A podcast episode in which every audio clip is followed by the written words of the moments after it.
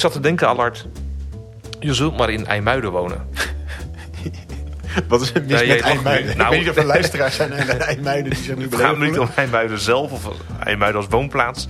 Maar je zult dan met zo'n zo'n vervuiler als Tata Steel in je nek zitten. Ja, Enorme risico's voor de volksgezondheid. jarenlang weggemoffeld. Jarenlang weggemoffeld. En dat brengt me ook bij de vraag van hoe moet tegen die industrie in Nederland aankijken? Is het nog wel van deze tijd om in zo'n klein, dichtbevolkt land zulke grote industriereuzen te hebben? Ja, ja. ja ik, ik, ik, ik voel met je mee. Ik zit wel te denken... Het is ook wel weer aardig. Wij zijn in Nederland een, een, een kennisland. Weet je wel? We, hebben, we hebben universiteiten die enorm vooruitstrevend zijn. Eh, Eindhoven, Wageningen. Ja. Eh, die combinatie van die kennis met uitvoering is natuurlijk ook wel weer goed. En, en we Ja. liggen ook aan zee. Hè, Ja, je bedoelt, het komt genoeg op ons af De- eh, via het je- water. Ja, daar moet je ook wat mee. Dus, je, dus je, je ontkomt er denk ik ook niet aan, aan die industrie. En Nee, sterker nog, ja. het is ook wel, kan een kracht zijn met die kennis samen. Dat kan me voorstellen, maar dan zou je ook kunnen zeggen van moeten we dan op dat gebied niet iets hè, met die kennis van eh, dat wij echt aan de top van de wereld staan qua verduurzaming van de industrie, eh, vergroening van de industrie. En Ja. ook dat we echt oog hebben voor wat de gezondheidsrisico's zijn als we industrie in Nederland toestaan. Ja, een beetje noblesse oblige. Dan moeten we ook nu eh, Ja. ja, echt ook de allerbeste zijn op de terreinen waar de wereld nu om vraagt. Ja, koploper zoals Mark Rutte zegt. Dat zijn natuurlijk nu niet helemaal. Maar ja, dat denk ik dat zeker op het gebied van energie of zo. Nou, dat zou je ook moeten zeggen. Laten we daar dan misschien dus vol onze kennis en kunde op inzetten. Precies, dat ook andere landen van ons kunnen profiteren. Tot aan, weet ik veel, kernenergie aan toe misschien. Volgens mij moet dat op tafel liggen, ja. Als we eh, op een goede manier de energievoorziening willen volhouden. Ja. Nou, laten we dit voorleggen aan eh, Henry Bontebal. Hij is eh, Tweede Kamerlid voor het CDA. En een tijd terug schreef hij een, eh, een pamflet over groene industriepolitiek. Daar gaan we het met hem over hebben. Heel benieuwd.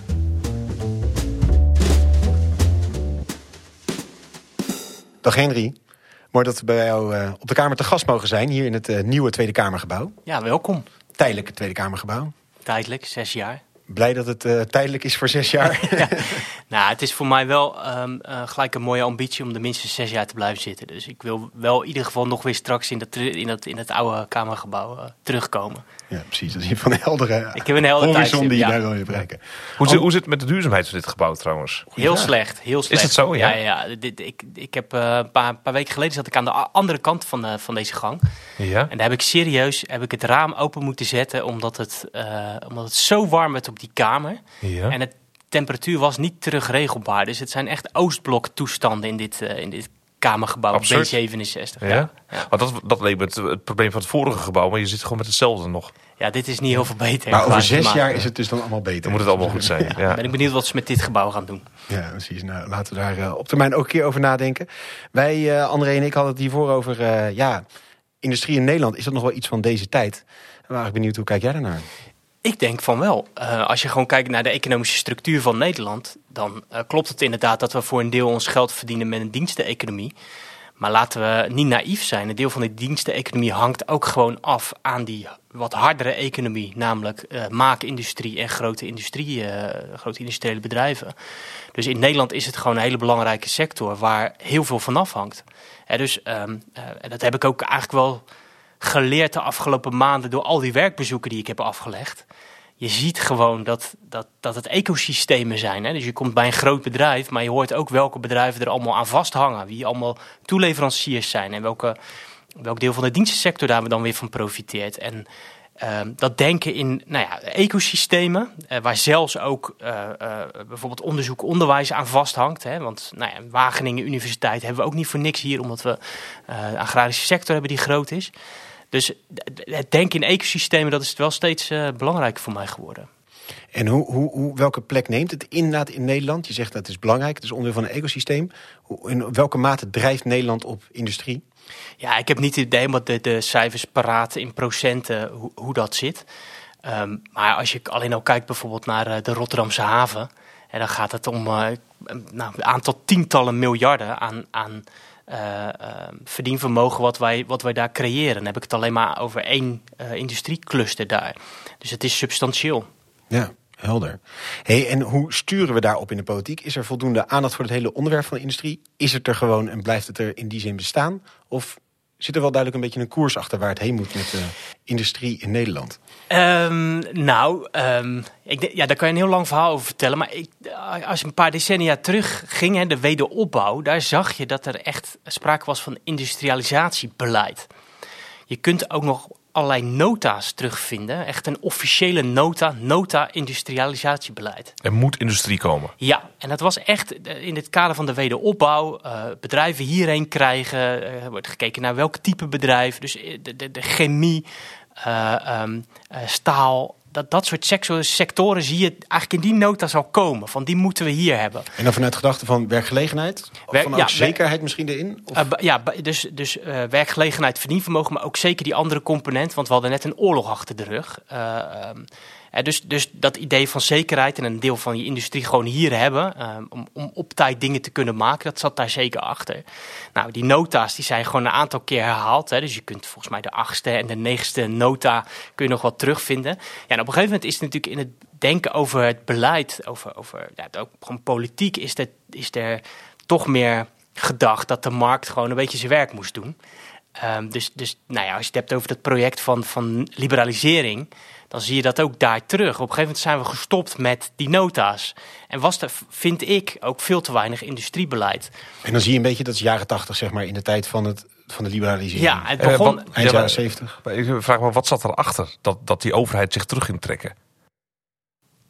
Ehm, nou, ook gewoon dat er dingen wel eens misgingen. Ja. Eh, maar ik denk ook natuurlijk ook gewoon een politieke ideologie die gewoon door heel eh, West-Europa eh, eh, rondging. Het is natuurlijk een beetje makkelijk om te zeggen het tijdperk van Thatcher en Reagan Ja. en neoliberalisme. Maar ik denk wel dat het sinds de jaren tachtig dat je dat ziet. En dat je dat dus ook ziet in ehm, de manier waarop wij ook over onze economie eh, eh, nadachten. En op een gegeven moment kreeg je bijvoorbeeld in de tijd van Lubbers... Dat is een, is een mooi, mooi eikpunt. Het RSV-debakel. Ehm eh, Rijnschelde Verolme concern. Help ons even na. Ja, dat- toen staat denk ik iedereen op het Nee, dat is, de- dat is echt heel interessant. Het was, dat was een scheepsbouwconcern wat, wat, wat heel groot was. En dat, dat, dat ging, eh, die, nou, die moesten geholpen worden. De overheid die, die stopte daar heel veel geld in. Een paar miljard gulden. Ehm, echt vanuit het idee van de industriepolitiek. Dat is toen misgegaan. Ja, we hebben de samenleving daar een hoop geld mee eh, verloren. Daar kwam toen Ja. een parlementaire enquête. Ehm, ehm, en ja, dat heeft er ook voor gezorgd dat industriebeleid een beetje een vies woord werd. Omdat iedereen zei van ja, de overheid kan dus hele domme fouten maken. En dat is natuurlijk de kritiek hè, als je het hebt over industriebeleid. Ja. De overheid heeft vaak niet genoeg kennis en maakt heel vaak domme keuzes. Eh, en dus eh, draait de belastingbetaler daar nog wel eens voor op. En dus, laat de markt het maar oplossen. Die weet veel beter waar Precies. ze mee bezig zijn. Ja, en dat hebben we dus de afgelopen eh, decennia gezien. Je zag natuurlijk wel, want eerlijk gezegd hadden we natuurlijk wel een beetje industriebeleid. Namelijk de manier waarop wij bijvoorbeeld met onze energiebelastingen en, en, en andere belastingen omgingen. hè. Dus het was voor grote bedrijven wel degelijk interessant om hier te zitten. Ja. Nederland, een land aan het water, goede verbindingen naar het achterland, een haven. Eh, we konden makkelijk kolencentrales bouwen, hè, want we hadden... ehm, eh, ja, we lagen aan het water, eh, voldoende koelwater en je kunt kolen makkelijk aanvoeren. Dus goedkope kolenstroom. Hadden we ook nog een flinke aardgasbel, dus we hadden ook nog goedkoop aardgas. Ja, die twee maakten natuurlijk Nederland heel erg eh, geschikt voor eh, energie-intensieve industrie. En wat we natuurlijk nu recent zien, is dat door die hele klimaatopgave, dat, dat er wordt, weer wordt gesproken over industriebeleid. En nou, ik ben zelf een van de voorvechters geweest de afgelopen jaren om dit weer veel duidelijker op de agenda te krijgen. En je ziet nu dat het op de agenda staat, eh, waarbij wel het risico is, denk ik, dat ehm, ja, het komt opeens zo weer snel hoog op de agenda dat ik denk, ja jongens, laten we er wel even goed over nadenken. Hè. Dus, dus ik ben heel erg voor groene industriepolitiek. Maar laten we wel goed doordenken, wat is het dan precies? En onder welke voorwaarden? Want we, we moeten de lessen die we in het verleden hebben geleerd, moeten we niet zeg maar zo, zomaar vergeten. Ja, want hoe zou je het zelf op dit moment definiëren, groene industriepolitiek? Dat klinkt, het, even heel negatief gezegd, klinkt het bijna ook wat communistisch. Van de overheid gaat Ja. weer met een hele grote vinger roeren in, de, in het marktleven. En Ik denk dat, dat je het zo moet formuleren dat, dat je. Dat je ehm, ehm, we staan gewoon voor een enorme klimaatopgave. En je wil dus dat, dat het bedrijfsleven daar eigenlijk een bijdrage aan gaat leveren. Dus niet alleen van je moet binnen de milieugebruiksruimte die we voor jou hebben blijven. Maar het is ambitieuzer wat mij betreft dan dat. Het is het besef dat je met die grote bedrijven ehm, eigenlijk ook het klimaatvraagstuk voor een deel kunt oplossen. En dat, dat ze daar ook de kans voor moeten krijgen om dat, eh, om dat te doen. En ook het besef dat je, dat je ja, door alle assets die je hebt, door de hele kennisinfrastructuur, door een goed opgeleide bevolking, dat je dus ook een enorm belangrijk instrument, een belangrijk wapen hebt, juist om dat klimaatprobleem op te lossen. Even misschien een beetje een gek voorbeeld, maar ehm, uh, neem bijvoorbeeld onze, onze, onze aardgasinfrastructuur. Ja, dat hebben we gebouwd hier omdat we goedkoop aardgas vonden in Groningen. Uh, nou, kun je nu zeggen, ja, we, gaan die hele aardgasinfrastructuur die gaan we uh, uit de grond trekken en weggooien. Je kunt ook zeggen, nee, dat is echt een, nog een unieke asset die we met elkaar hebben. Waardoor we straks kunnen, aan de slag kunnen met het verwarmen van woningen met duurzame gassen bijvoorbeeld. dus de, de, de, wat we allemaal hebben staan in de Botlek, maar ook in Amsterdam en de Eemshaven, ja, dat, dat, dat is, daar is in geïnvesteerd. En dat biedt ons dus ook ons een soort springplan om ja, nieuwe technologieën uh, uit te rollen, uit, uit te denken. Dus, dus, en groene industriepolitiek is voor mij inderdaad overheidsbemoeienis, die, gewoon, die ook stuurt van hoe komt de economische structuur van Nederland er nou uit te zien. Um, de, een, een, een, sterke betrokkenheid van het bedrijfsleven op dat beleid. Want het bedrijfsleven heeft ontzettend veel kennis. Veel meer dan de overheid. Um, dus, dus ik vind dat die overheid en het bedrijfsleven moeten dicht op elkaar zitten. Maar wel op armlengte, zoals economen dat zeggen. Dus er moet wel een soort kritische distantie blijven. Want die overheid moet natuurlijk niet in bed liggen bij het bedrijfsleven.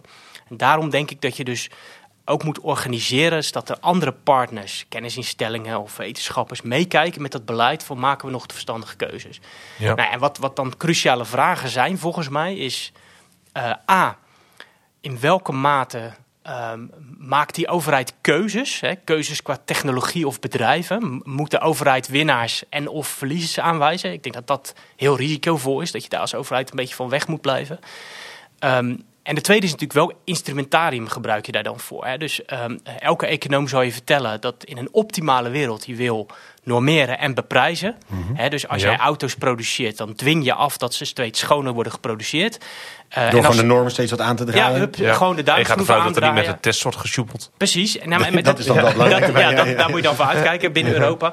Um, maar je ziet dat dat heel effectief is. Um, en de tweede is natuurlijk elke econoom zal ook zeggen, op beprijs externe effecten, externaliteiten. En dat is bijvoorbeeld de CO2-tax. Ja. ja.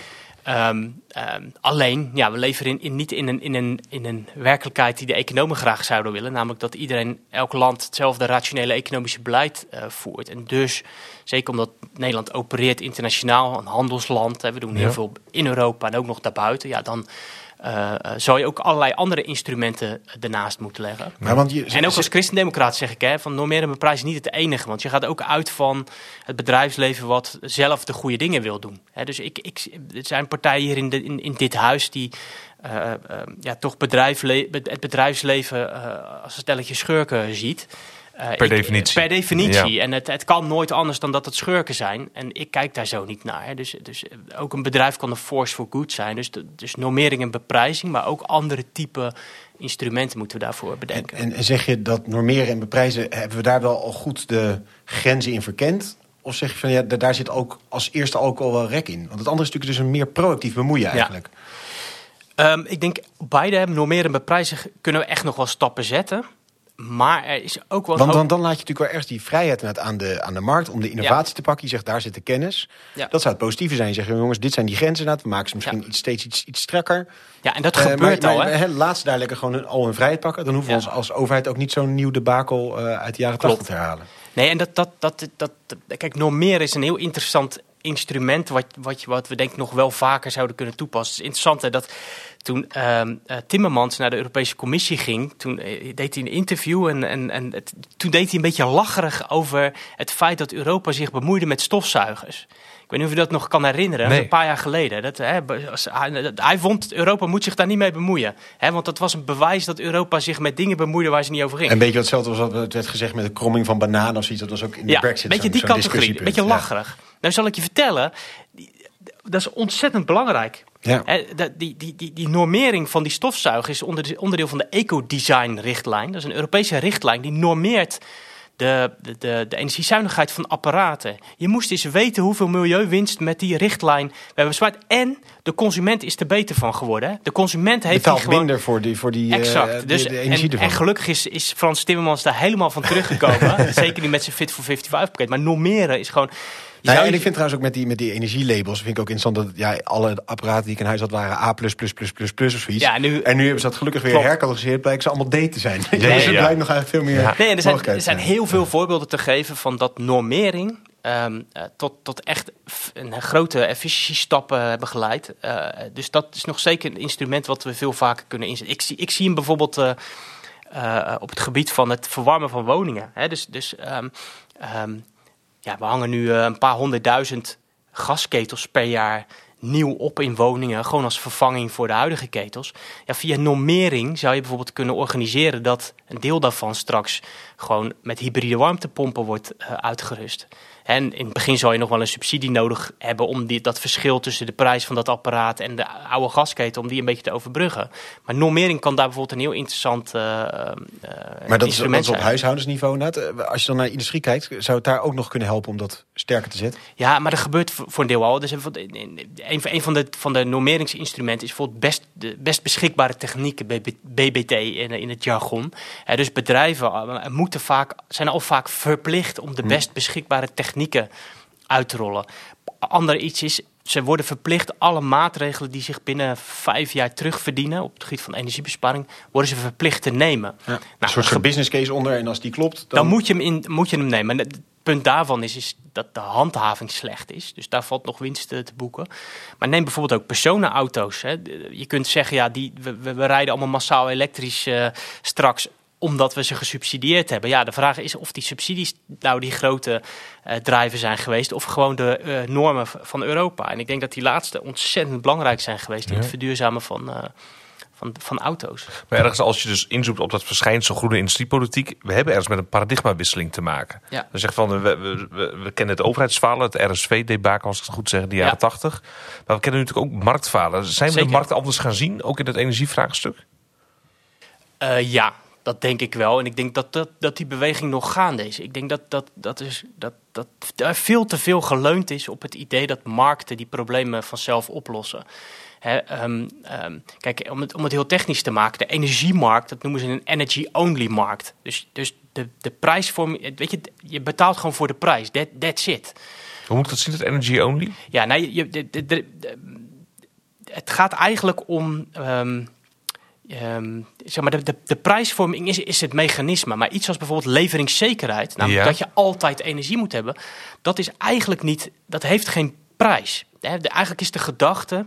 ehm, de markt lost dat zelf op. Ja, vraag en aanbod, dus die leveringszekerheid. Ja, dat komt wel goed. Maar nu zien we dat dat dus niet zo is. Dat we ons serieus zorgen maken over, is het er altijd? Ja, die energiebedrijven zeggen dan, ja, weet je, wij worden alleen maar afgerekend op die prijs, maar niet op leveringszekerheid. En daar hebben ze feitelijk gelijk in. Sterker nog, als je aan Tennet gaat vragen, wie is er verantwoordelijk voor leveringszekerheid? Zeggen ze, ja, wij zijn alleen maar verantwoordelijk voor de monitoring. Waar ze dus gelijk in hebben. En ja, wie is er feitelijk verantwoordelijk voor de leveringszekerheid? Het ministerie van EZK. Dus ik denk dat we op heel veel, maar ook gewoon in de consumentenmarkt. Hè, dus we hebben allemaal gestimuleerd dat die klanten elk jaar overstapten naar de goedkoopste energieleverancier. Wie zijn nu het haasje? Die huishoudens die elke dag of elke jaar hebben geshopt naar, een, naar de goedkoopste leverancier. Ja, omdat nu die gasprijzen door het plafond schieten. Ja. Ja. We hebben, ze, we hebben, we hebben, we hebben zeg maar, de, nou ja, de, de- de, de calculerende consument. eh, die voor een dubbeltje op de eerste rang wil. Dus dat hebben we aangejaagd. En die is nu, eh, en zeker de consumenten. Die misschien eh, ook niet het overzicht hadden waar ze dan voor tekenden. Huishoudens met lage inkomens, Ja. eh, sociale achterstanden. Ja, die betalen nu de hoofdprijs. Hè, en, en, en, Toch pennywise pound foolish geweest. Je hebt leuk misschien een Exact. paar jaar even wat goedkoper gezeten. Exact. Maar, eh, dus, en, paar en je ziet, bespaard en nu je ben je ziet, kwijt. ja, je ziet dat dus, dus door de hele energiemarkt eh, door. Dat we dus heel erg vertrouwd hebben op marktwerking. Ehm, en tegelijkertijd zie je ook. Dus we zijn nu een energiemarkt zijn we helemaal aan het ombouwen. En de overheid zit er op allerlei, op allerlei manieren met zijn vingers hartstikke dik al in. Dus de werkelijkheid haalt soms ook het denken gewoon in. Want ja, met subsidies zijn we die markt aan het verstoren. Met beprijzing, eh, met normering. Ehm, maar wat dacht je ook van alle investeringen die onze staatsdeelnemingen doen? Hè? Dus het EBN is een staatsdeelneming, het havenbedrijf, eh GasUnie, Tennet. Dat zijn allemaal partijen die grote investeringen doen in de energiemarkt op het gebied van waterstof en CO2 en warmte. Dus die energiemarkt was nooit een vrije markt. Daar zat de overheid al heel dik met zijn vingers in. En, jou, en jouw pleidooi is nu inderdaad zeggen... niet alleen dus die beprijzing en normering... maar dus die dikke vinger die al in de pap zit... eigenlijk nog wat explicieter Ja, intelligenter, explicieter en intelligenter. Dus eerst maar eens gewoon toegeven en beseffen dat, uh, dat je er al lang met je vingers in zat. Ja, het is al uh, geen sekke markt waarin de nee, overheid slechts helemaal is. niet. Nee. Uh, vervolgens dat je een aantal maatschappelijke doelen hebt die je met elkaar wil bereiken. Namelijk die, het verdienvermogen van Nederland versterken. En zorgen dat je een groene industrie opbouwt. Um, en nou een onderdeel van groene industriepolitiek vind ik dus ook dat de overheid gaat investeren bijvoorbeeld in publieke infrastructuur. Dus uh, er wordt wel eens gezegd door sommige partijen, ja jullie gaan voor 35 miljard die vervuilers subsidiëren.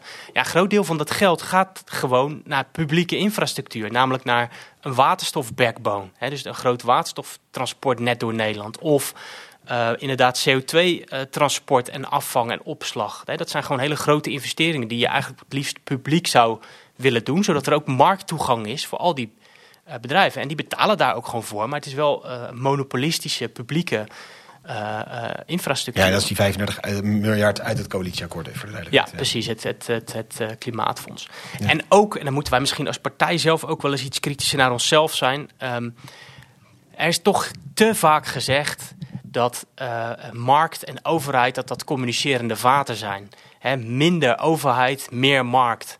Terwijl je gewoon ziet dat een sterke markt is er dankzij een sterke overheid. En we hebben dat ook in de energiesector gezien. Ja, wat, waren de successen in het energiebeleid? Bijvoorbeeld wind op zee. He, er was een overheid die heel duidelijk regie nam om wat daar moest gebeuren. Die overheid die legde de kabel uh, naar het windpark aan, die gaf de vergunning af, die legde de subsidie klaar. Die vertelde precies hoeveel megawatt het park moest worden.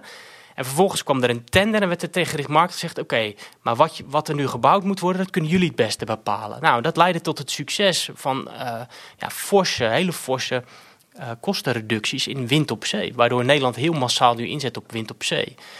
Um, ja, dat is een succes van een sterke overheid en een sterke ja. uh, markt. Wat, wat, mij nog een beetje blijft hangen is ook die leveringszekerheid. Je zegt dat ligt bij het ministerie van de EZK. Heeft het ministerie instrumenten om die leveringszekerheid te garanderen? Dus zijn we als Nederlanders, uh, hebben we gegarandeerde energievoorziening?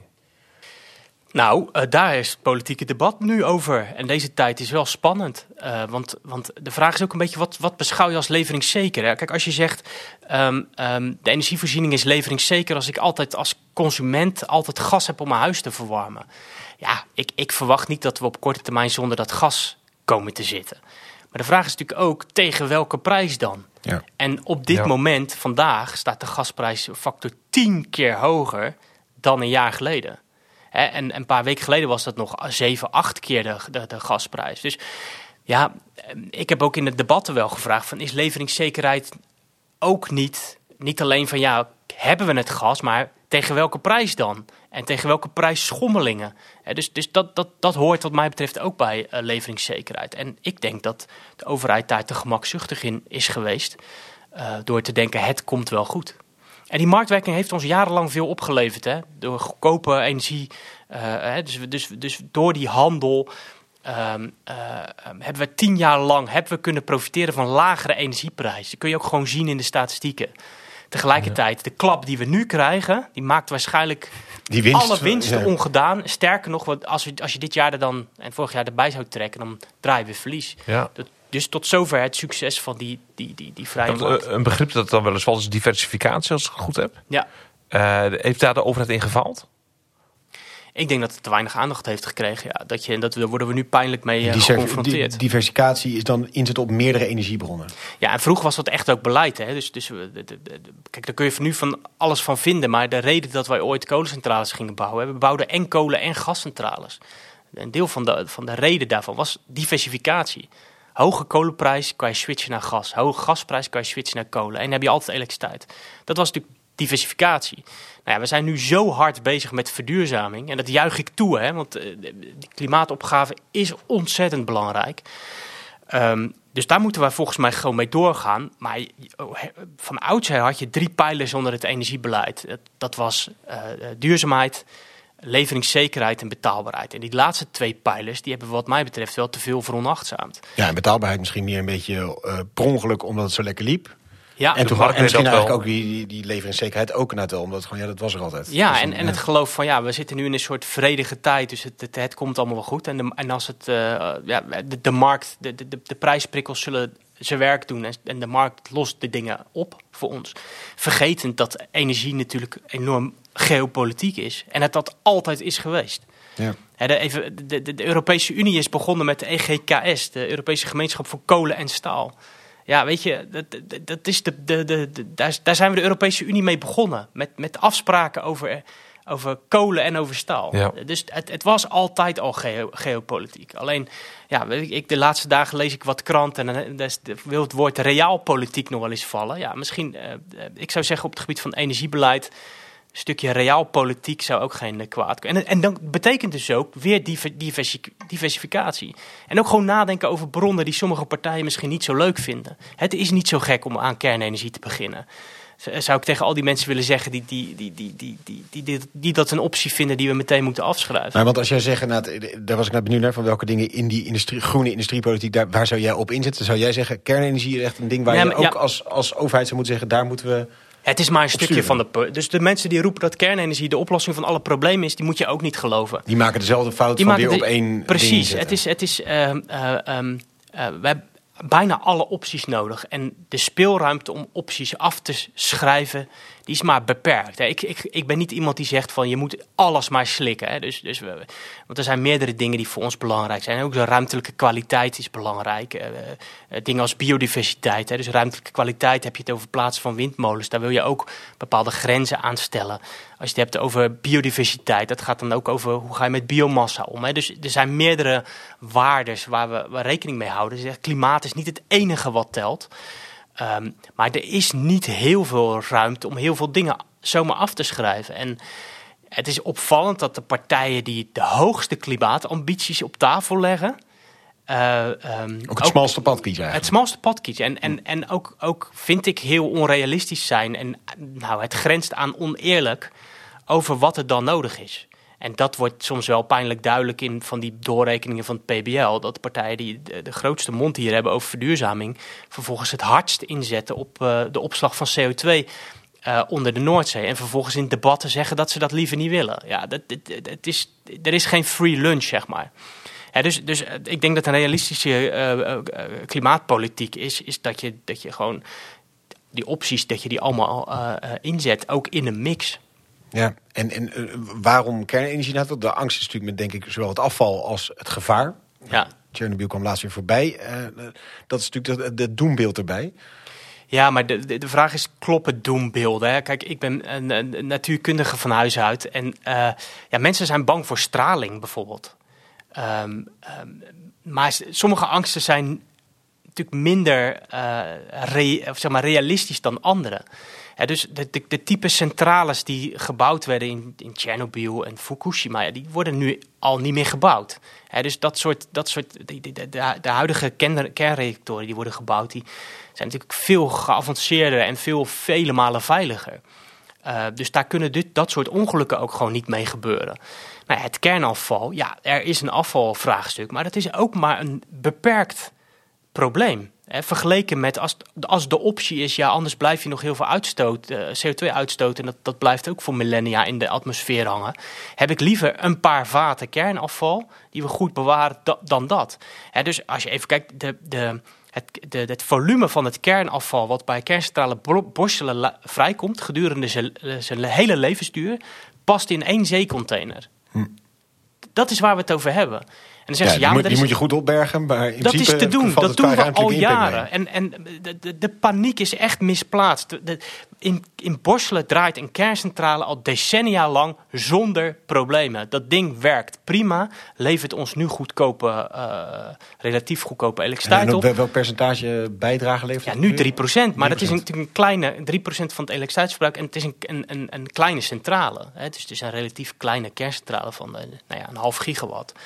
Die, die, ze in Engeland bouwen, dat gaat richting de 3 gigawatt. Dus dat, dat zijn veel grotere uh, jongens. Um, Dus, maar ik denk dat kernenergie een onmisbaar onderdeel gaat zijn van die elektriciteitsmix. Want wij willen straks bijvoorbeeld de industrie gaan vergroenen. Nou, die industrie gaat heel veel elektriciteit nodig hebben en heel veel waterstof. En waterstof, ja, dat, kan je, dat, dat maak je ook met elektriciteit. Dus, dus de elektriciteitsbehoefte in Nederland gaat heel, heel fors stijgen. Ja, en als je dat niet allemaal wil importeren, dus niet ook weer geopolitiek op allerlei manieren afhankelijk wil zijn, zou je een deel zelf moeten produceren. Dat ga je niet alleen met zon en wind kunnen doen. No way. Dat rekent niet rond. Dus je zult ook gewoon aan kernenergie moeten beginnen. En kernenergie gaat niet alle problemen oplossen, want dat, weet je, zo'n kerncentrale staat er niet binnen tien jaar. En het zijn hele forse investeringen. En ik zie ook de kostenoverschrijding uh, in andere landen.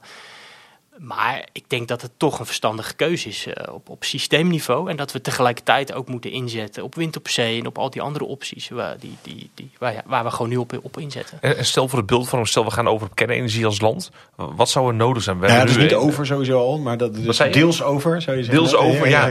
Wat zou er dan nodig zijn? We hebben nu een, die borst is klein, 0,5 gigawatt als ik het goed uh, hoor. In Engeland bouwen ze drie. Hoeveel, hoeveel kernenergiecentrales van welke omvang hebben we nodig in Nederland om het een serieuze optie te laten zijn. Ja, maar dan, dan moet je het er ook over hebben van wat is realistisch uh, bouwbaar, zeg maar. In de, in de... En daarvan zou ik ook weer zeggen, um, als je het hebt over diversificatie of over risicospreiding, dan moet je dus ook niet alle kaart op kernenergie gaan zetten. Hè. Sommige mensen die dan zeggen, ja, bouw er gelijk 15. Ja, dan kun je een heel eind komen. Ja. Maar is dat dan realistisch? Hè? Dus, dus, dus um, als je het hebt over risicospreiding, zeg, dan zou ik zeggen, nou, wind op zee leggen we een hele forse ambitie neer. Maar ook daar kan iets tegenvallen. Hè, er kan iets, iets eh, duurder blijken te zijn. Of, of grondstoffen. Ja. Grondstoffen of wat, wat dan ook. Hè. Of, of de energiemarkt verandert zodanig dat, het, dat de business case uh, omver uh, duikelt.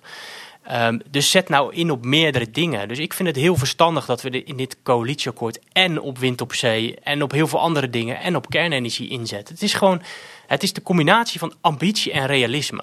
En, het is heel ambitieus wat we in het coalitieakkoord doen, maar het is ook realisme. Wat is er dan nodig? Ja, en, en ik, ik, de ambitie zie je soms bij sommige partijen.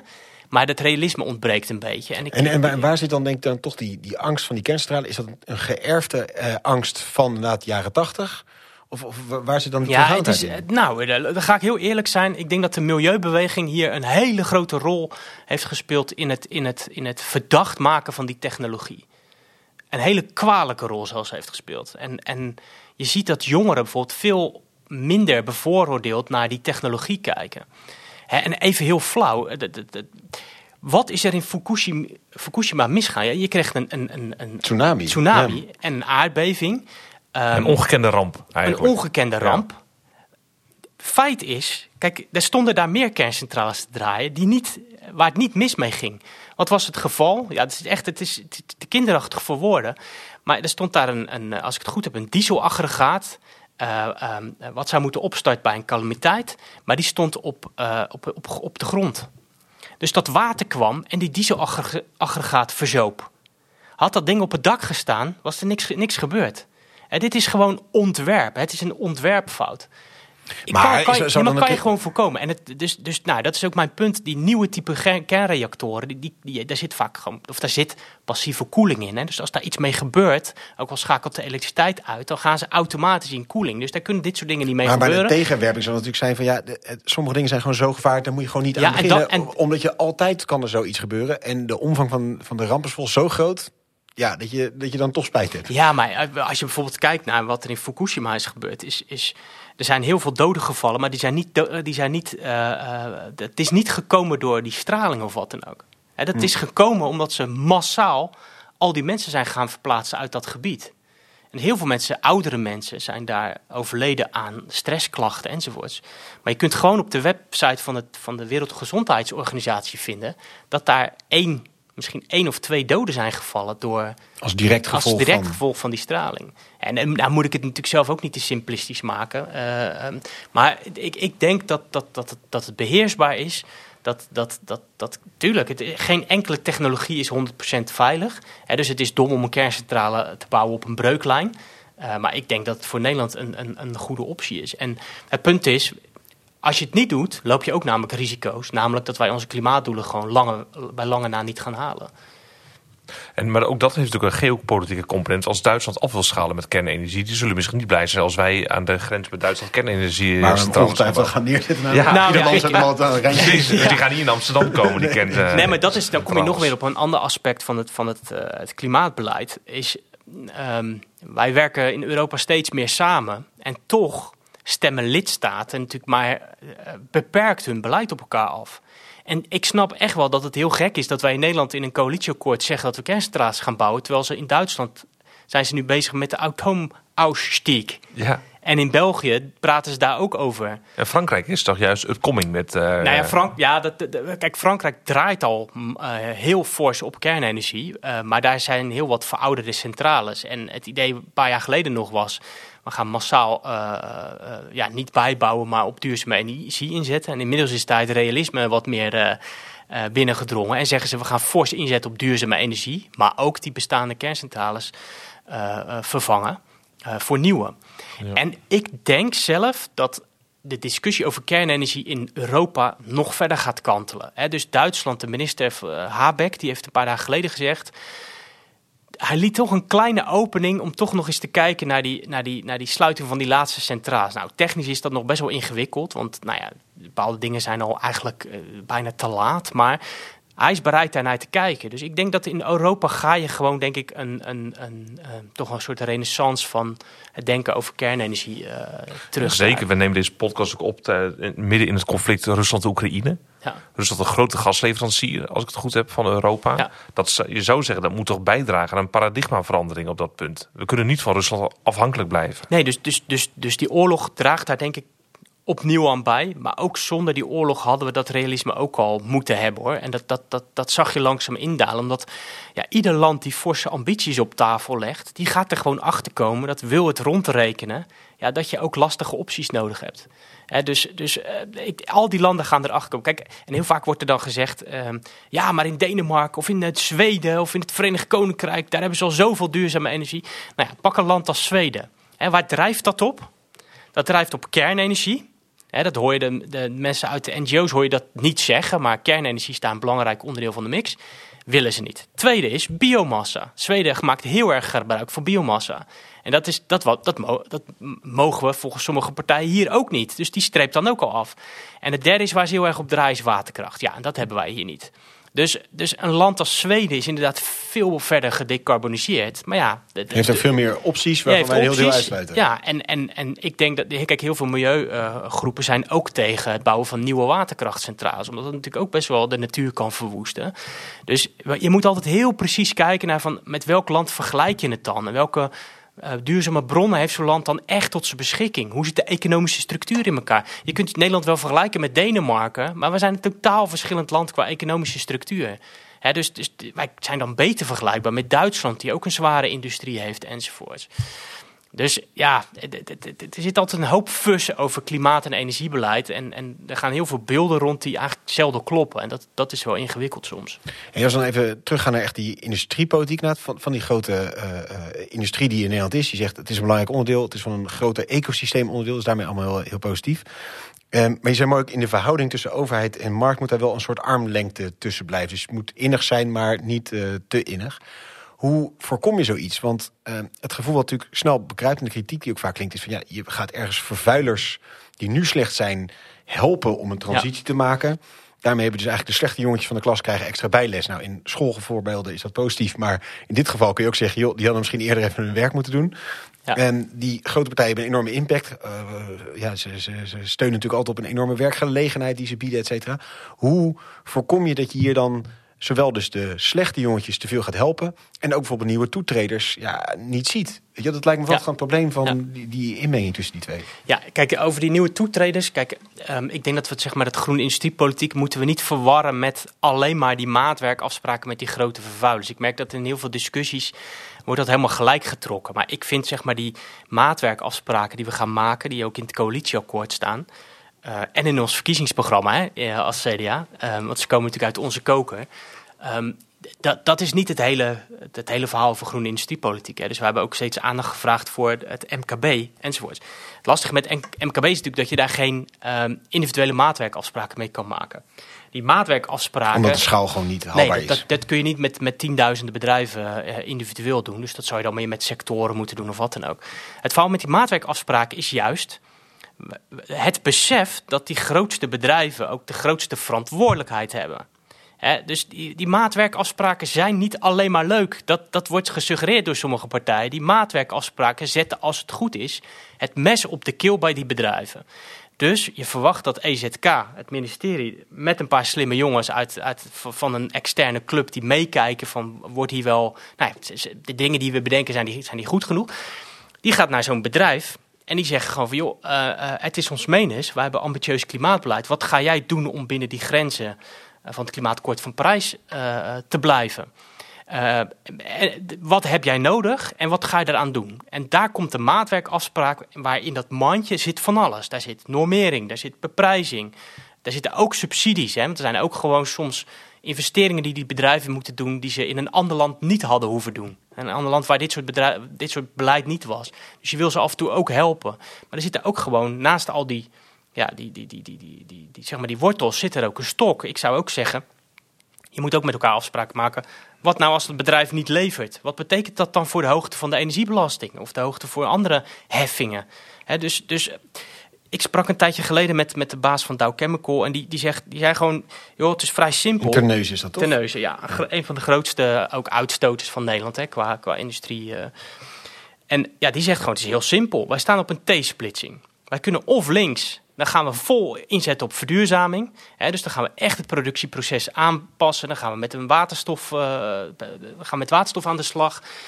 Uh, dat vraagt om hele grote investeringen. Het hoofdkantoor is bereid die te doen, maar wil wel heel duidelijk hebben dan dat het Nederland menens is en dat we daar ook uh, geholpen worden enzovoorts. En dat die waterstoftransportinfrastructuur op tijd voor onze deur ligt. Dat is optie 1. Optie 2 is een sterfhuisconstructie dus dan, dan kwijnt dat bedrijf nou, de, gewoon de komende jaren weg, want dan is er gewoon geen toekomst voor uh, in Nederland. Dus die bedrijven beseffen echt wel heel goed dat, dat ze. Dat, dat, ze, dat, dat, dat ze voor een T-splitsing staan. En, en ze willen die groene keus maken.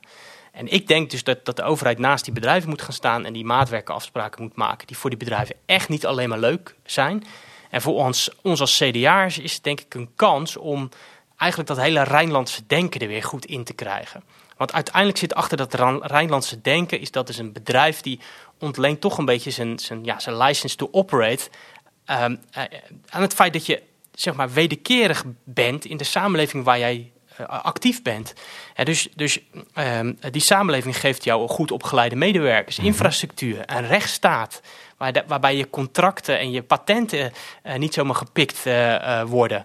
dus, dus wij leveren als samenleving veel aan die bedrijven om hier te mogen zitten. De pokon waarop zij uh, kunnen de groeien. De pokon waarop zij kunnen groeien. En, maar dat betekent ook dat ze iets terug... En dat moet meer zijn dan alleen netjes je belasting betalen. En, en als je dan terugkijkt, zeg je dan van... Nou, in de laatste jaren hebben die bedrijven daar altijd gewoon keurig hun ding gedaan? Of zeg je nou, die mogen ook wel hun been bijtrekken? Die mogen hun been bijtrekken. Maar je ziet wel veel verschil tussen uh, bedrijven.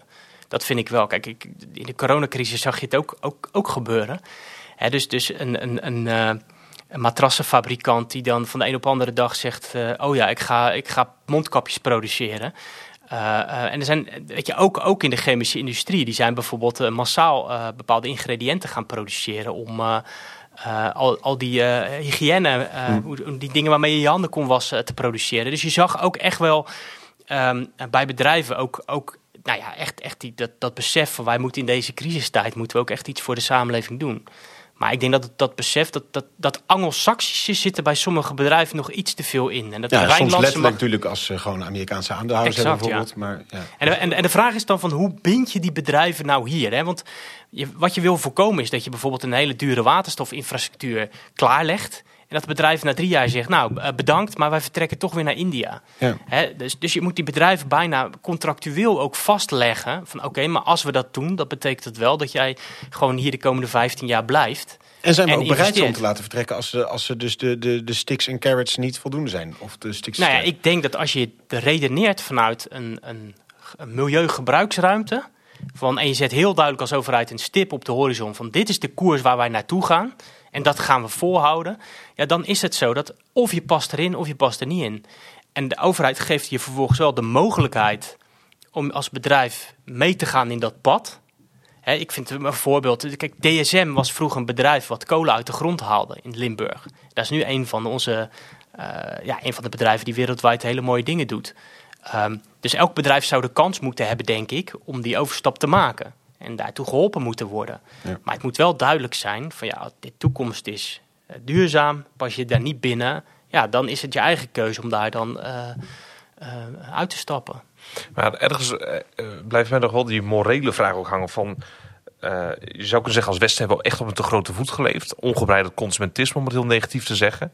Met die hele groene industriepolitiek zijn we eigenlijk niet die verkeerde levensstijl nog te veel aan het stimuleren.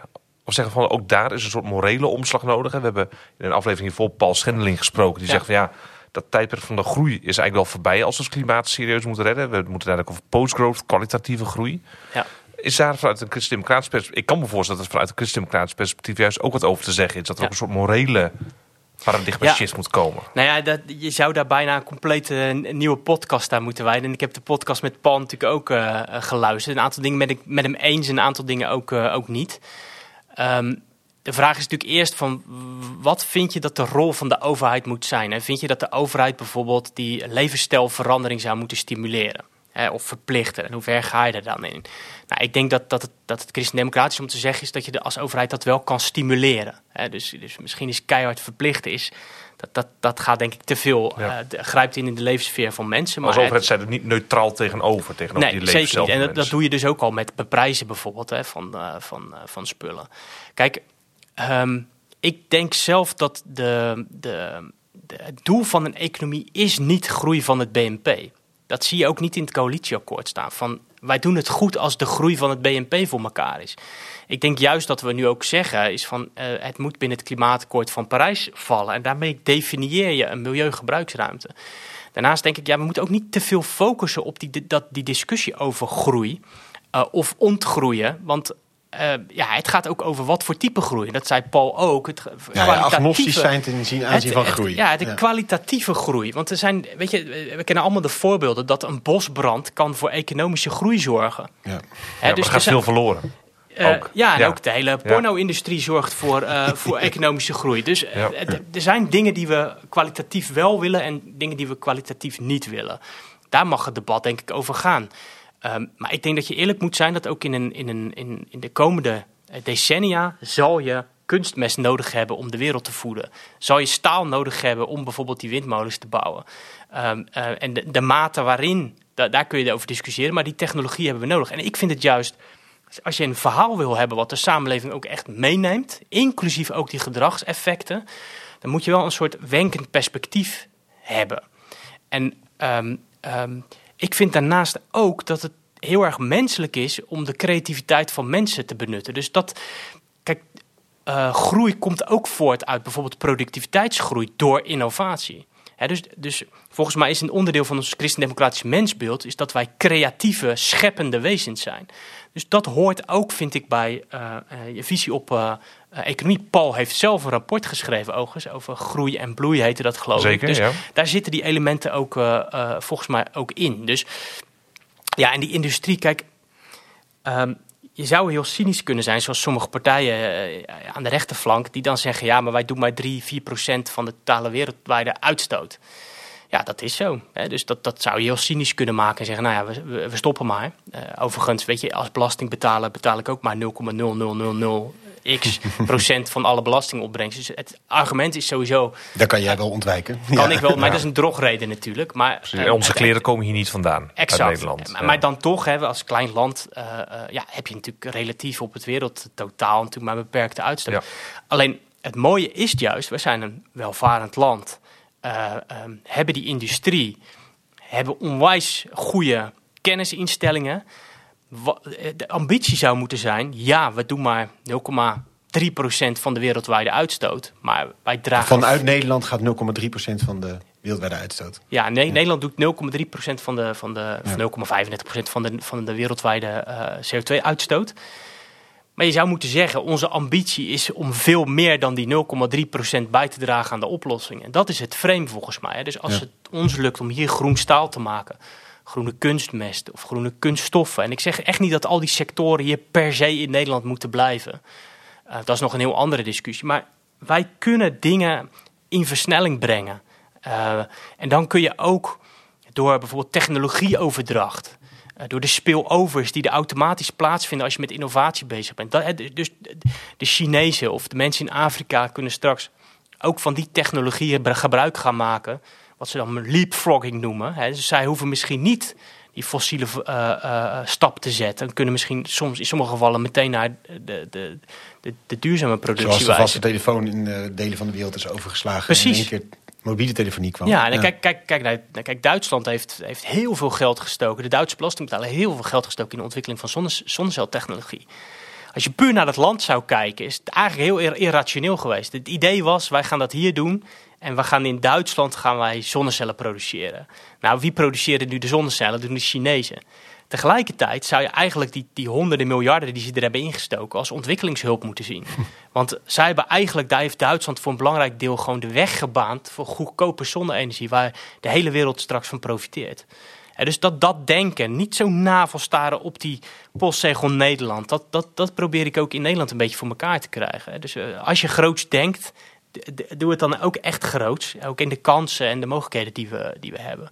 En dan is het opvallend dat partijen in de Tweede Kamer die heel Europees denken, dan juist weer niet thuisgeven. Dat vind ik dan ook wel heel, heel, heel, heel fascinerend. In welke zin? Geef ze dan niet thuis? Nou ja, dat, dat, dat bijvoorbeeld de, het klimaatbeleid in Nederland wordt nog heel erg gericht op de uitstoot binnen Nederland. En dat is het enige waar we naar zitten te kijken vaak. Dus hoeveel megaton in Nederland? Terwijl ik denk, ja jongens, hey, eh, er gebeurt, we, we produceren dingen voor de hele wereld. Hè, dus de bedrijven die bij ons eh, staal produceren of, of, of kunstmest of al die kunststoffen, ja, dat gaat de hele wereld over. Dus je moet naar die hele keten willen kijken. Ja, en andersom importeren we een hele hoop. Dus Precies. Die, die dingen zijn, We- werken met elkaar in, ja. Exact, ja. Dus we importeren veel, exporteren veel. En, en ook in die ketens moet je eh, eh, willen verduurzamen. Wat ik wel mooi vond is in, in, in lijn met het verhaal van Paul... dat je net zegt, van, hè, die, die pleiten voor ook kwalitatieve groei. Net een beetje agnostisch van moeten we groeien of niet als economie... maar we moeten ki- meer inzetten op kwalitatieve De goede dingen doen en kijken dingen groei doen, van komt. Ja. Nee, niet de wapenindustrie en porno-industrie per se eh, en bosbranden willen, maar we willen kwalitatieve groei. Ehm, dat vond ik wel mooi, zeg, met die industrie die in die lokale infrastructuur ingebed zijn, dat het ecosysteem zijn. Wat zouden we kunnen doen om die lokale verankering sterker te maken? Want inderdaad zeggen we, als die aandeelhouders in Amerika zitten en die sturen wel gewoon alleen maar, of zelfs als zitten die aandeelhouders in Nederland, die sturen alleen maar op gewoon rendement. Hoe zouden we daar iets in kunnen draaien? Dat is ook natuurlijk een vorm van eigenlijk nog het, het, het soort het weefsel van de industrie proberen te veranderen. Nou, dan trek ik hem even gewoon naar waar ik zelf vandaan kom, Rotterdam. Ehm, ik weet dat de gemeente Rotterdam die maatwerkafspraken ook interessant vindt. Omdat die natuurlijk ook gewoon willen kijken... hoe komen onze jongeren, eh, die nu met een afstand tot die arbeidsmarkt staan... omdat ze de taal niet goed spreken of wat dan ook... hoe krijgen we die, die bedrijven in? Nou, dat vind ik bijvoorbeeld, dat, dat zou ik ontzettend mooi vinden als, als, als wij naar het Rotterdamse industriecluster gaan kijken, qua verduurzaming, dat we ook mee, meenemen. Ja, hoe, hoe Maatschappelijke verduurzaming eigenlijk. ja, hoe trekken we al die mbo's hier gelijk mee? En hoe zorgen we dus dat die jongens die nu op straat eh, rondjes staan te lopen en, en niks staat, staan te doen... ehm, hoe halen we die uit die wijken en zorgen dat ze gewoon een, een, een hele ja, respectvolle baan krijgen? Want straks, de mbo'ers, dat zijn straks de mensen die, die, die, die, die het werk verzetten. Die, die, dat zijn schitterende banen. We hebben onwijs veel nood aan mbo'ers, mensen die handig zijn. Die, die gaan die energietransitie voor elkaar krijgen. Dat is hartstikke mooi werk. Ehm, ehm, ja, hoe gaan we dus voor zorgen dat, dat, dat, dat, dat kansarme jongeren of mensen met... eh, eh, of, of desnoods eh, mensen die hier ehm, eh, net een verblijfsvergunning hebben gehad. Hoe zorgen we dat die ook aan de slag komen? Dat, dat, soort, dat soort maatschappelijke ja, activiteiten, daarvan hoop ik dat we dat ook, ook meenemen. Bijvoorbeeld en- in de Rotterdamse haven. En misschien dan net als slot, dan denk dat, dat helpt dus, net, dus dat je dan in ieder geval die industrie niet als vijand benadert. Want dan ga je ze ook niet bij zulke dingen betrekken, maar juist als dus partner in het Nederlandse ecosysteem, in de Precies. samenleving Nederland. Dat is een mooi idee, dat ecosysteem-idee. Ja. Ja, en, en, en het is volgens mij heel christendemocratisch om, om niet met een vijandsbeeld te beginnen. Maar te beginnen met het idee dat het onze gezamenlijke verantwoordelijkheid is. En dat die ook niet op te knippen valt. Hè? Dus zo van het systeem krijgt de schuld van of de ander. En dat is een beetje, daar kan je ook nog een aparte podcast aan wijden over, over het slachtofferschap. dus volgens mij staat bij ons centraal de, gewoon je, je, de verantwoordelijkheid. En dat dat niet opknipbaar is en dat iedereen ook een verantwoordelijkheid in die transitie heeft. Dus een huishouden heeft dat, jij als persoon hebt dat, een groot bedrijf heeft dat ook. En samen uh, ja, bewegen we naar die, naar die, uh, naar die duurzame economie toe. Dankjewel Henry. Heel inspirerend verhaal volgens mij. Zeker, hartelijk dank. Graag gedaan. Het klimaatprobleem is een publieke morele kwestie in onze samenleving. Er zijn autocratische landen waar dit probleem al dan niet wordt aangepakt door de overheid, door de staat. De samenleving heeft bijvoorbeeld feitelijk geen aandeel in de besluitvorming om vervuilende bedrijven wel of geen vergunning te verlenen. Het milieu is er staatszaak en het publieke debat staat er buiten. Dat wil niet zeggen dat morele argumenten in dat geval geen rol spelen bij de beslissing, maar andere aspecten kunnen net zo goed een rol spelen. Economische belangen, kwesties van prestige en dergelijke. Vanuit westerse democratieën bezien lijkt dergelijke besluitvorming echter minder door morele motieven beheerst dan wij wenselijk achten. Bij ons is dat dus anders. Het morele argument in de klimaatproblematiek lijkt historisch gezien vooral aangedragen te zijn door de samenleving, door burgers die verontrust zijn dat in het geval van vervuilende bedrijven of producten het economische argument een te grote invloed heeft. Het morele argument klinkt publiek veel luider dan het economische. Misschien kunnen we zelfs nog iets verder gaan en zeggen dat het morele argument alleen maar klinkt dankzij verontruste burgers. Zowel het vermoeden dat onder autocratische regimes het morele argument het moeilijker heeft dan het economische belang van productie, als het vermoeden dat het morele belang in westerse democratieën bij de overheid aan het verstand moet worden gebracht, laat iets zien van de beleving van de staat als vreemde eend in de maatschappelijke bijt. De overheid is kennelijk nodig, maar het morele kapitaal en het morele geweten wortelen niet in de ministeries van westerse regeringen maar in de samenleving, bij de burgers. Zelfs als Frans Timmermans hartstochtelijk voor het klimaat pleit, is er het stemmetje in de hoofden van burgers dat vraagt welk belang hij dient. Het morele argument van burgers heeft het aura van belangeloosheid. Niet het eigen belang, maar dat van wat weerloos is, wordt verdedigd. En de overheid, ook de westerse, is in dit debat vaak de dienaar van verkeerde belangen. Ik voel me ongemakkelijk bij deze rolverdeling. Aldus professor Dr. George Haring. Dank voor het luisteren naar deze aflevering van Bram de podcast. Deel hem vooral als je hem kon waarderen. En abonneer je om op de hoogte te blijven van nieuwe afleveringen. Dat zou ik zeker doen, want volgende keer spreken we Mirjam Rasch. Zij won vorig jaar de Socrates-beker voor het beste filosofische boek... voor haar werk Frictie, ethiek in tijden van dataïsme. We hebben het met haar over de impact van data op onze samenleving en we hebben het over onze autonomie. Zeer interessant, dus graag tot dan.